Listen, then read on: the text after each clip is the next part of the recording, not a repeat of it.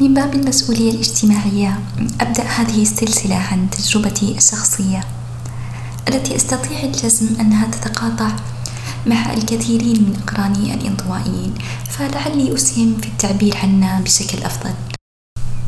أن تولد صامتا في دوائر تحتفي بالضجيج أردت أن أبرر اليوم شيئا من أسباب صمتي. في عمر مبكر أعتقد أن الصمت يقترن مع الخجل سمة الانطوائيين المعروفة. لكنه عامل ضعيف لا يلبث أن يتراجع مع تراكم الخبرة فلن يمنعنا من الكلام. مع ترجح صفة واضحة كالخجل سيبدو الانطوائي محير حقا استنفد مبرره للصمت المبرر الواضح.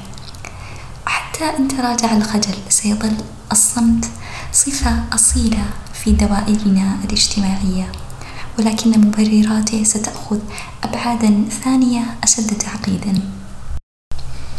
غالبا لن أصمت لأنني خجلة لكني لا أنجذب للأحاديث العابرة. هذا ليس ترفعا عنها ولكن آه، تتطلب الكثير من المجاملات آه، والبروتوكولات التي لا تتسق مع ضعف لياقتي الاجتماعية. مع أني أجتهد كثيرا لأزيد هذه اللياقة لكن لها مخزون شحيح.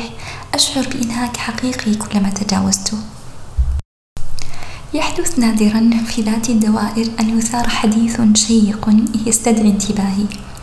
لكني عجبا أصمت وأعزو هذا لأسباب كثيرة أذكر بعضها. قد يكون قطر الدائرة واسعا بحسب معاييري فمع تحفظي الكبير لن أستطيع أن أنفتح بآرائي عند عدد لا ألفه من غير المقربين.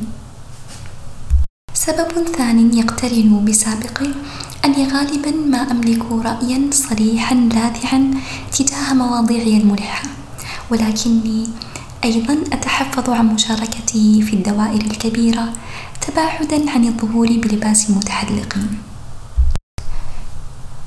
سبب آخر أشد تعقيدا أني ربما لم أشكل بعد تصورا واضحا حيال الحديث الشيق فمع زخم الأفكار حوله إلا أن انسيابها الغزير آه، يسبق بمراحل طلاقتي في التعبير فأصمت أيضا.